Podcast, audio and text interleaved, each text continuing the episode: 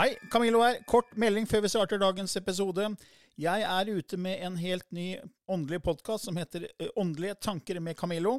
Du finner mer informasjon om den hvis du går til camilloloken.no skråstrek gratis. camilloloken.no skråstrek gratis. Der er det også overraskelser til deg som er fast lytter av mine podkaster. When you're ready to pop the question, the last thing you want to do is second guess the ring. At Bluenile.com, you can design a one of a kind ring with the ease and convenience of shopping online. Choose your diamond and setting. When you find the one, you'll get it delivered right to your door. Go to Bluenile.com and use promo code LISTEN to get $50 off your purchase of $500 or more. That's code LISTEN at Bluenile.com for $50 off your purchase. Bluenile.com code LISTEN. I denne podkasten belyser vi temaer innenfor den ikke-fysiske åndelige verden og hva vitenskapen eventuelt sier om dette. Mye av innholdet er basert på vår erfaring gjennom mange år og på informasjon fra ulike kilder. Vi deler her med deg vår sannhet som kanskje ikke er en universal sannhet. Noen av podkastene inkluderer også gjester som deler med seg sin opplevelse av hva som er sant og riktig innenfor disse temaene, noe som nødvendigvis kanskje ikke alltid stemmer med vår egen sannhet. Mer informasjon om vår podkast finner du på andogvitenskap.no. Takk for at du lytter til vår podkast.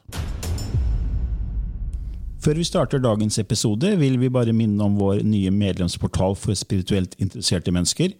Om du ikke kjenner til denne, så kan du gå inn på vår nettside anogvitenskap.no, og der klikke i menyen på medlemskap. Så vil du se hva denne tjenesten tilbyr.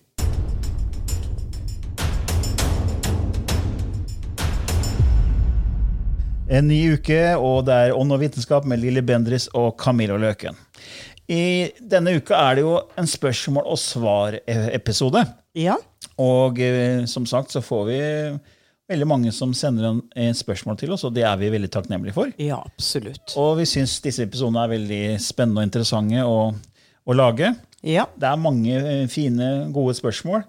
Og vi har et her fra flere faktisk som spør om det her med kundalini-energi. Annet Liv spør om vi kan snakke om det. Og så har vi en fra Kristin som sier takk for interessant podkast. Jeg lurte på om dere kunne snakke om kundalini. For noen fraråder å vekke denne kraften i korsryggen som går oppover som en slange. Andre mener det er selve åpningen. Nysgjerrig på å høre deres erfaringer og møte samtaler dere har hatt med de som har vekket den. Om man tror om Eva og slangen i paradis egentlig er en beretning om dette, det har i hvert fall jeg tenkt, sier Kristin. Altså, det, det, det er jo de som får aktivert kundalini helt sånn uten å ha gjort noe for det. Ja. Og opplever kosmiske orgasmer Ja. gjennom å ha gjort det. Og eh, man vet jo at munker har sittet og meditert på kundalini for å få denne ekstaseopplevelsen, da. Og kundalini er jo en kraft, det er jo en livskraft. Og den ligger jo jevnt nederst i eh, I I rotsjakra, ikke sant?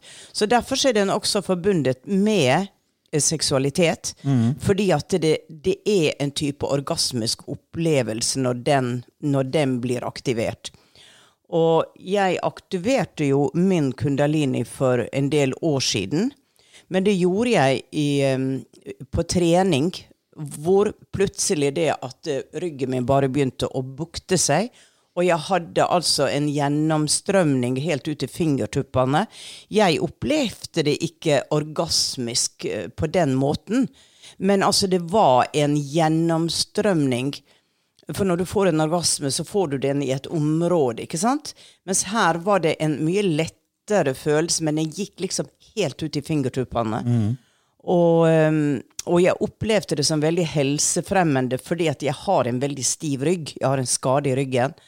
Så jeg kan oppleve å på en måte stå på gulvet og høre på musikk, og så begynner ryggraden min, så begynner jeg å bevege meg og få denne gjennomstrømninga.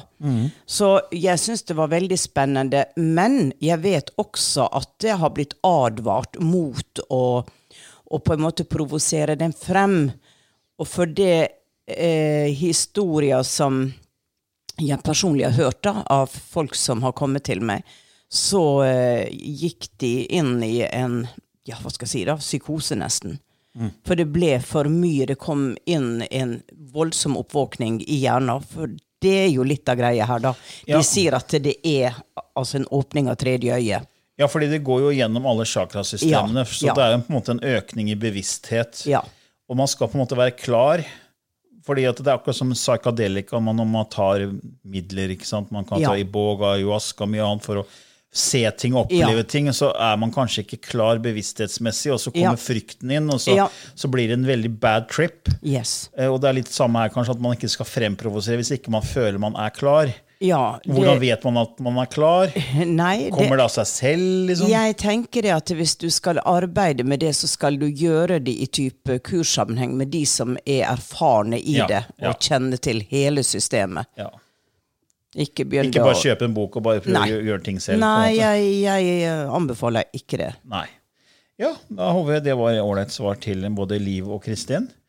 Så har vi også et, eh, et her fra Kenneth som sier eh, Kan dere snakke om det å være empat? Dere har snakket tidligere om høysensitivitet og at alle sansene som bl.a. klarfølthet. Men det å være empat er liksom noe annet igjen. Selv er jeg empat og brukte 30 år av livet mitt på å forstå det. Da jeg forsto hva det var, var det en utrolig lettelse å forstå at alle følelsene jeg kjente på, ikke nødvendigvis kom fra meg selv.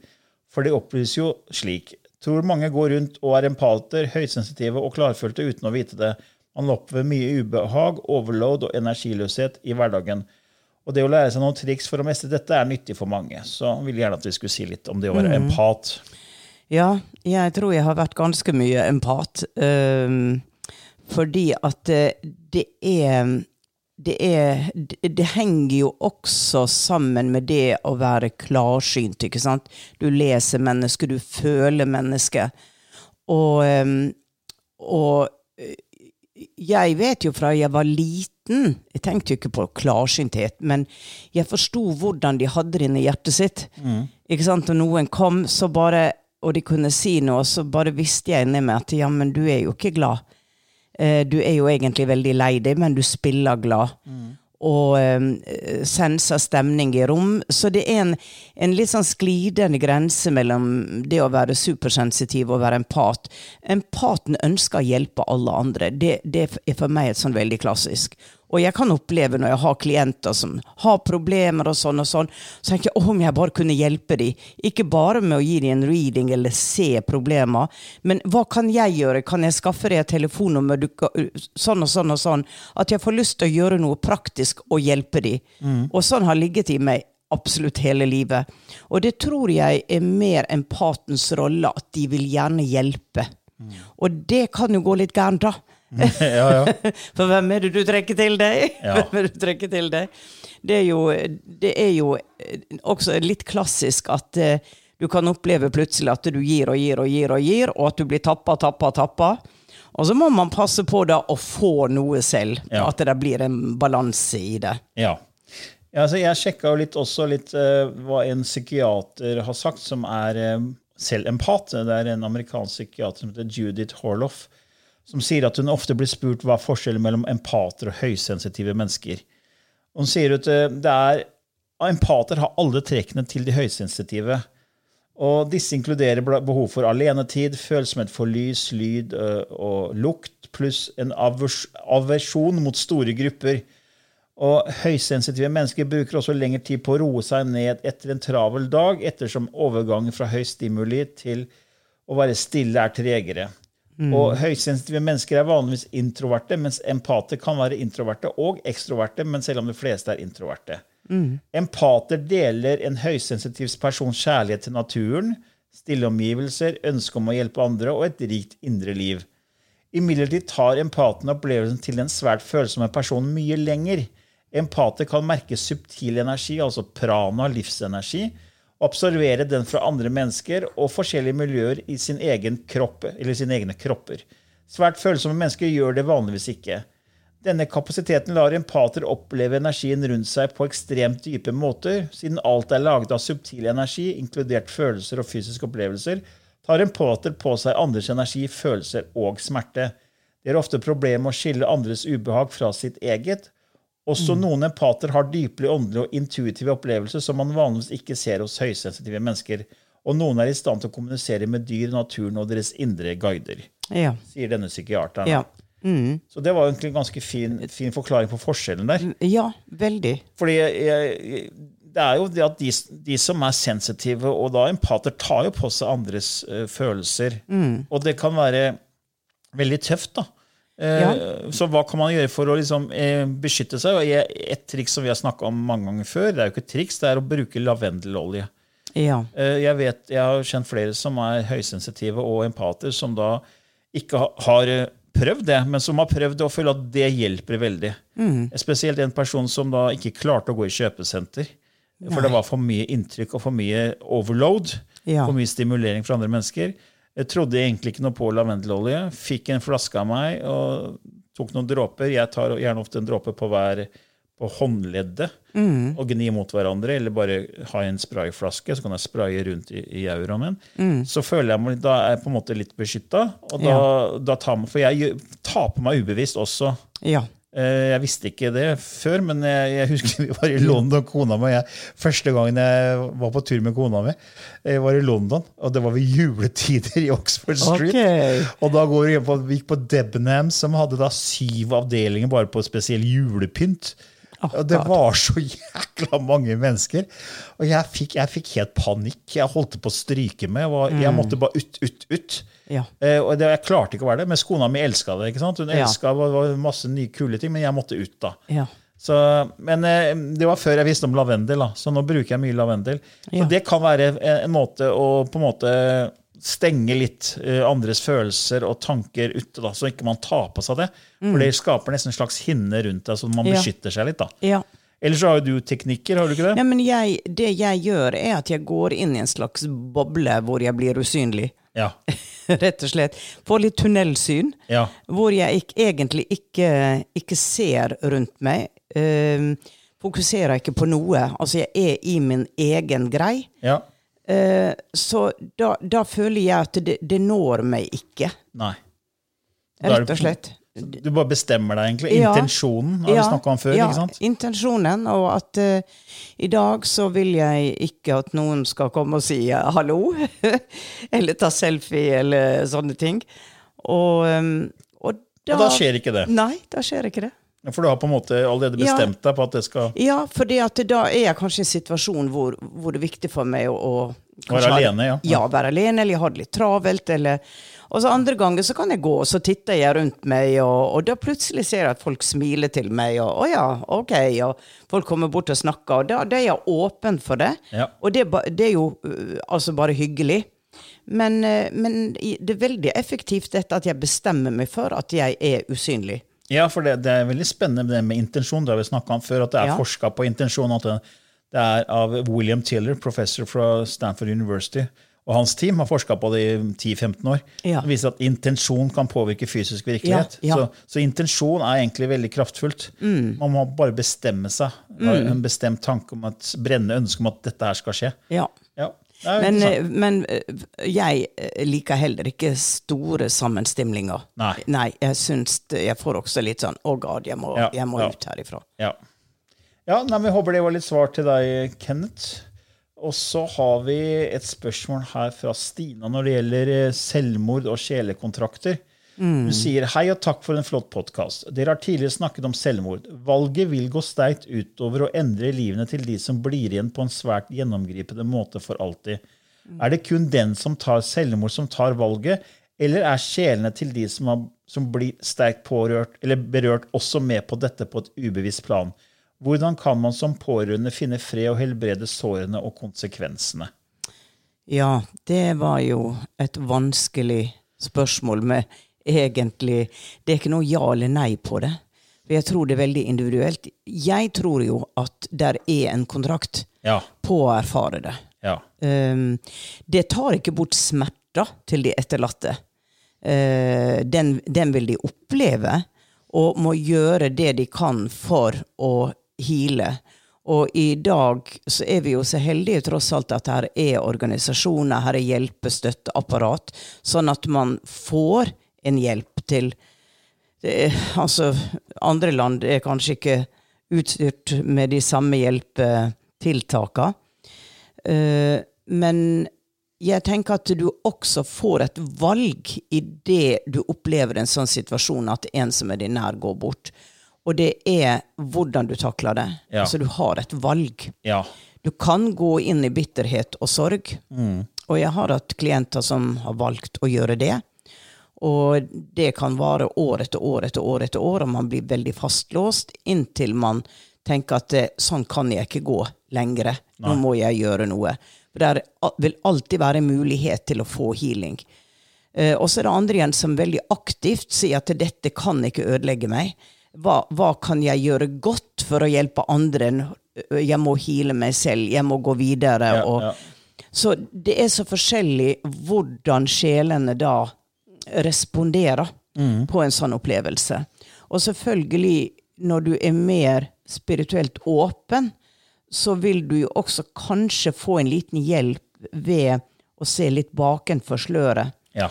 Uh, og der vet jeg at eh, jeg har hatt familie som har kommet til meg. Jeg jobber veldig lite med beskjed fra avdøde. Det er ikke min force. Uh, men når I enkelte tilfeller så har jeg sagt ja, og da har det veldig ofte vært selvmord og de som sitter igjen.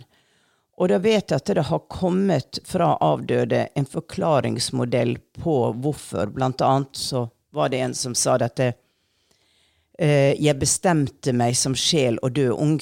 ja. Og jeg bestemte meg eh, for å dø på en sånn måte at eh, jeg ehm, Altså at, at man skulle ta livet sitt, da. ja. Eller nei, ikke ta livet sitt. I dette tilfellet så døde man uh, i en type ulykke som man kunne levd, men man ga livet sitt for en annen. ja. Man ofra livet sitt. Ja. Og, um, og da var det et valg. Og da vet jeg at mammaen sier til meg da etterpå at uh, dette barna hadde sagt fra det var lite, at eh, jeg kommer ikke til å leve lenge. Nei, ikke sånn. Kommer ikke til å leve lenge. Og vedkommende hadde eh, sagt ja til en militærtjeneste, om det var i Afghanistan eller hvor det var, som eh, sannsynligvis gjorde at å dø der ville vært verre, eller ja. det man gjør. Og at den personen man redda livet til, det var et karma. Ja. Som den personen hadde redda ens eget liv før, og man oh ja, på en så det var en balanse. Sånn at når man skulle ha det i sitt liv, at man skulle dø ung, så ville det være bedre å dø hvor man var hjemme, eller kanskje i en massegrav i Afghanistan. Det var en slags balansering Det ut av en- karmiske Ja, greier. og, og dette hjalp foreldra veldig, da. Ja. For de forsto på en måte, de fikk en, en forståelse av hvorfor dette her skjedde. Hvorfor. For det var en bitterhet. Hvorfor? Ja. Hvorfor? Nei, for det, jeg føler også at det, det, etter at det begynte å bli spirituelt for 15 år siden, så er det på en måte blitt litt lettere å håndtere sånne type ting. da. Altså Ja. Mm. Ting som er veldig vanskelig å forholde seg til. Eh, og så kan man si ja, men eh, du- vi kan ikke bevise det, ikke sant? men eh, det gir en indre ro å vite at det kanskje har sjelekontrakter, at vi lever mange liv, at døden er en transformasjon, det, er, det er noe vakkert. Ja. Eh, fordi det sier jo alle som har nær døden-opplevelser, de aller, aller fleste, at det er en nydelig transformasjon. Ja. Eh, og at eh, de som da blir igjen etter et selvmord, de, de får en form for test. da. De Mm. blir testa i det med smerte, savn, ikke sant? det er lidelse, det er vondt. Ja. Og hvorfor det? Jo, for det er sjelekontrakter. ikke sant? Ja. Og jeg fant jo et lite utsnitt fra Kryon, for jeg er veldig tilhenger av kanalisert informasjon. Og, Ja. og Lee Carroll, den amerikaneren og Kryon, er jeg veldig fan av. Og han sier, sier jo da energien til selvmord er en test for de som blir igjen, ikke for den som begikk handlingen. Mennesket har veldig sterke overlevelsesinstinkter for å hindre å ta sitt eget liv, men for de som gjør det, er det ingen vanære eller straff. De blir heller ikke sittende fast i åndeverden. For det er mange som lurer på. ikke sant? Ja, og så blir jeg ja. stuck i åndeverden. Altså, Ja. øh, blir de inne i sånn limbo? Er Ja. det liksom låst, at jeg blir fanga? Nei, sier Krion, det blir ikke det. Selvmord er en potensiell kontrakt, og når den utføres, ber den de rundt seg om å ta avgjørelser som de ellers aldri ville ha tatt. Mm. Husk at dette er en test for dere alle. Når det er over, ikke vær sjokkert når du kommer tilbake til denne siden av sløret og oppdager at det ikke er noen straff eller belønning, bare en familie som er takknemlig for reisen din, og for energien det tok å elske jorden og universet så mye at du gikk gjennom det. Ja. For alt er erfaringer i følelser. Og det er det jeg har sagt for at det, det går fra frykt til kjærlighet. Så, så la oss si at de som blir igjen etter et selvmord, da, de vil jo få veldig oppleve følelser de kanskje aldri hadde opplevd Ja. før Ja. I andre liv. ikke sant? Så et sånn type eh, la oss si, situasjon må skje for at de skal få de følelsene. Ja. For sjelen er ute etter alle typer følelser. Ja. Både de vi kaller negative, og de som vi kaller positive. Mm. Så jeg, jeg blir veldig sånn fortrolig når jeg leser sånn informasjon fra Kryon. Det gir Ja. meg litt sånn Det harmonerer, da. ja. Det er en mening i det som oppleves som ikke mening i det hele tatt. Ja, selv om det kan være et veldig vanskelig tema å snakke om, så, så håper jeg det i hvert fall var et eh, ålreit svar til deg der, Stina. Ja, Ja. Så da går vi videre til et spørsmål om Oji Ojia? Oji, altså uttaler Ojibor? Ojibor, ja. Ojibrett. Oji-brett. Eh, Andrea spør vi har et sånn Oji- Ojia-brett. Hva tenker dere om bruken av et slikt brett? Er det noen risiko ved å bruke? Er det mulig å oppnå kontakt med noen ved bruk av Oji-brett? Vi har selv bare prøvd det et par ganger og ikke fått respons. Takk for en fin podkast. Så vi kan kanskje forklare hva et Oji-brett er Ja. for først. da. Ja. Har du spilt det? Eller gjort det? En gang. da, og da, da var det så Da kom det jo en som sikkert hadde veldig gøy ved å si at han var djevelen, ikke sant? Og at han lå under senga til den ene som, som var i rommet. Han turte ikke å sove på soverommet sitt på mange år. Ja, for det er jo på en måte et brett hvor du må prøve å kontakte åndeverden via Ja, dette ja, brettet med det- forskjellige Du holder et glass på, på brettet som da begynner å gå av seg selv. Du holder fingeren på det, og så Ja. begynner det å bevege seg på bordet til bokstaver. Ja. Og Michaels Teaching er jo en fantastisk bok med et system som har blitt undervist fra et sånt bord. Ok. Eh, så det kan absolutt eh, gi, deg, eh, gi deg undervisning, og du kan Mestrene går ofte minste motstands vei. Så hvis dette er en måte å nå noen på for teaching, fordi at intensjonen for den som jobber med det, er en høy spirituell på en måte tanke. Eh, men de fleste som bruker det, gjør det for de skal ha det litt gøy. Ja, ikke sant? Ikke sant? Og- Nysgjerrig skal sjekke ut. Også, Ja. Intensjonen ligger jo ikke der da for å få kontakt, egentlig. Nei, det, og hvem er det du får kontakt med? Ja. Får, det kan være underbevissthet at det er en som sitter på andre sida av bordet, som styrer det hele. Ja, fordi alle har jo én finger på dette glasset, Ja. eller hva du bruker, da. Og man styrer det faktisk ikke. Nei. Det begynner å gå av seg selv, men man vet at det tanke uh, influerer. Er Ikke sant? Så er det en som tenker et, et navn, da, Ja. så tror jeg at den også kan påvirke. Ja. Til at glasset går og staver det navnet. Det, det tror jeg faktisk Ja, ja. er i mange tilfeller mulig her. Men man kan oppnå en veldig sterk spirituell fin kontakt. ja. Intensjon, intensjon, intensjon. Ja, for intensjon er utrolig viktig i alt, egentlig. Det har jeg sagt mange ganger før, at det er forska på intensjon. og det, Hvis man har intensjon om at du ønsker å, å bruke det til noe bra, for hvis det er bare en sånn nysgjerrig lek, på en måte, så Ja. er det ikke sikkert at det fungerer like greit. Men hvis intensjonen er sterk, så tror jeg faktisk det kan få, få, Mm. Ja. eh, få resultater, da. Ja. Og jeg, jeg prøvde det som, som guttunge. Jeg merka jo ingenting. Det skjedde Nei. ingenting. Og det var noen, vi var jo noen guttunger som bare skulle teste det ut. liksom. Mm. Det var ingen intensjon i det hele tatt. Det, dette var jo brukt veldig mye i begynnelsen av århundret av eh, Altså, det dukka jo opp da en spirituell gruppe. Ja. Uh, Helena Blavatsky, Alice Bailey, og Ja. der var det jo sensasjoner med medium hvor ektoplasma strømma ut av munnen. Det var bord som dansa, det var banking i vegger, og det var parapsykologiske fenomen som skjedde. Og kanskje var det nødvendig at det skjedde på den måten for å få tvileren til å tro. ja.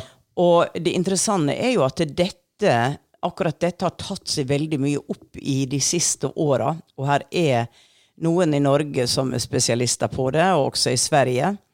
Og min søster som driver en mediumskole, de hadde da en lærer som skulle demonstrere dette. Oh, ja. Og hun kom til meg på kvelden og sa Lilly, dette, dette trodde jeg ikke var mulig. Og det var, det var ikke mulig at det var vi som rørte dette bordet, for at vi satte en finger på det. Et lite bord, da. ja, som begynte å hoppe og danse? Som begynte å danse, og vi måtte løpe etter det. Og det var ikke mulig. Det er ikke mulig. Så hun var liksom Oh my God. Ja, seeing is believing. Oh, ja. Når hun så det, så Og så én finger på et lite bord, ja. og så begynner det å bevege seg. Og da var de vel fire stykker som holdt på bordet. Holdt en finger oppe på bordet. Oppe, ikke under, Og da. kan ikke du løfte det. Nei. Men det løfter seg selv. Ja, ja. Så her, vi vet jo Jeg vet jo fra Åndenes makt at her er krefter ikke sant, som kan slenge en tung jerndør igjen. Ja. Uh, what's going on? Så vi vet at disse kreftene er her. Ja, for- Men vi ja. forstår ikke enda hvordan det er, og selvfølgelig kan da et sånt brett brukes. Ja. For akkurat det med bord, det har jo vi hadde, der Kona mi og jeg driver Fredrikstad medisinske yogasenter. Og Der vi hadde lokaler før, var, det var et sånn type spirituelt senter også, så der var det mulig å leie lokaler. Og da kom det en dame som hadde et sånt bord, som Ja. dansa og hoppa. Ja. Og mange som vi snakka med, da, de hadde jo vært med på sånn sesjon, hvor det bordet levde nesten sitt eget liv. Mm. Ja. Eh, Det helt utrolig, egentlig. Jeg gjorde det aldri selv, egentlig, men eh, flere jeg kjenner, gjorde det og sa at Mm. det var, det var, du må se det, liksom. Du må oppleve det. Du må oppleve det, for man eh, nå, Det er veldig vanskelig å tro på. Og det er Ja, veldig lett å jo tro at det er manipulert. Det høres jo helt speisa ut. eh, og jeg vet jo før så, så var det jo mye som du sa med Madame Blavatsky og Mm. den bølgen der, så var det jo også de som skulle avsløre at dette var juks og fanteri. Ja. Og da var det jo noen som ble avslørt. Ja da. Og man hadde samarbeid, og man hadde dekka til med Ja. tråder og masse greier. ikke Ja, sant? ja. Så det er klart, det, det fins jo sikkert de som også gjør det. Mm. Eh, det er, I alle bransjer er det råtne epler. Ja. Absolutt alle. Yes. Ikke bare i, i den bransjen vi driver. Nei da. Så, men jeg, jeg, men det er som du sier, seeing is believing. Ja. Var, Nei, jeg får se om jeg skal være med på en sånn. Jeg vurderer det. ja, ja. Jeg vurderer det. ja, så håper det var et ålreit svar til deg der, Andreas. Eh, Jeg ser at vi er eh, Ja, tida flyr, Lilly, så jeg nesten begynner å tenke lysspråk. Ja. Det skal jeg tenke. Nå har vi jo vært inne på dette bordet som danser, så jeg vet jo ikke helt hva jeg tiltrekker meg nå. Ok, Jeg tror jeg må skifte litt gir, jeg, Ja. og, og fokusere på igjen intensjonen, ikke sant? Ja, ja. Um, for um, jeg vil gjerne at de som kommer igjennom nå, skal ha en kjærlighetskraft. Um, trygg, beroligende energi til det beste for de som lytter. ja. Og da skifter Lilly litt gir, som hun sier. Da gjør hun en sånn endring i bevissthet, og så få kontakt, kontakt, og så kommer det som kalles lysspråket. Og hvis det er første gang du hører på, så og lurer på hva vi egentlig snakker om nå, så kan du gå på vår nettside annovitenskap.no og lese mer om lysspråket der. Det er et språk Lilly begynte å kanalisere og ta ned for mange år siden, og som vi har på slutten av, hver, av våre episoder. Så nå er Lilly snart klar.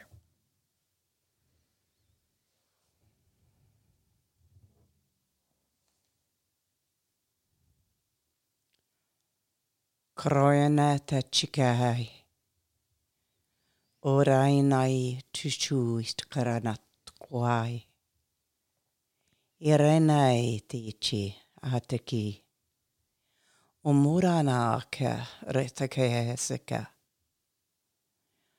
Ikaru nor teka hishteki heia. Ona hei karan atutu ya kichkai. Anaya tupaki törötésön. Eaha tykehe iira. tukuhai tukuhaisittehi retika. Onoko ei tuchiku ei seteke. Amakai. harihana hän. Yatake. Ujnaya tutuchkei.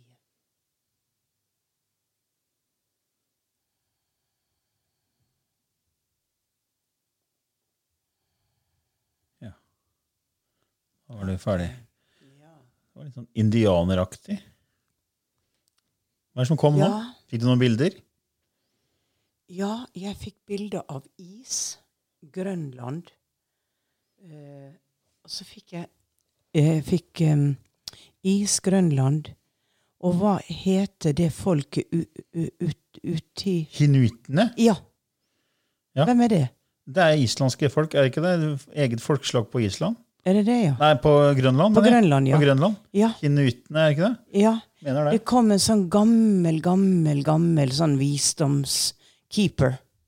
Oi. Og så fikk jeg det Fikk jeg isen, og så fikk jeg det navnet. Jeg klarte ikke helt å, å si det riktig, men du sa det. Det var de. Ja, det, det tror jeg er en sånn eh, folkegruppe i Alaska, er det vel kanskje. Canada og Grønland. ja. Mm. Ja, Men hva, merkelig. det var bare de som kom, liksom? Ja. Det var Jeg fikk sånn Eh, eh, ja. jeg, jeg fikk sånn gamle mestere. ja.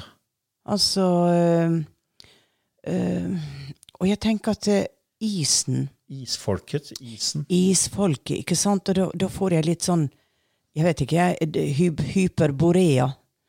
The first beings, the giants of planet Earth. Ja. ja det, man snakker om også isfolket i, i norrøn mytologi, Mm. Ja. du, med Thor og Odin som måtte Ja. bekjempe isfolket. Ja. Ikke sant? Det var det egentlig som kom en sånn urgammelt. Mm. Så øh, ja ja, ok. Ja, ok. Kanskje, Det var noen, det. kanskje noen fikk noen reaksjoner? Ja, who knows? Who knows? Yes. Ja, Ok, men da får alle ha en eh, solrik dag, tenker jeg. ja. Mm. Ha det bra. Hei.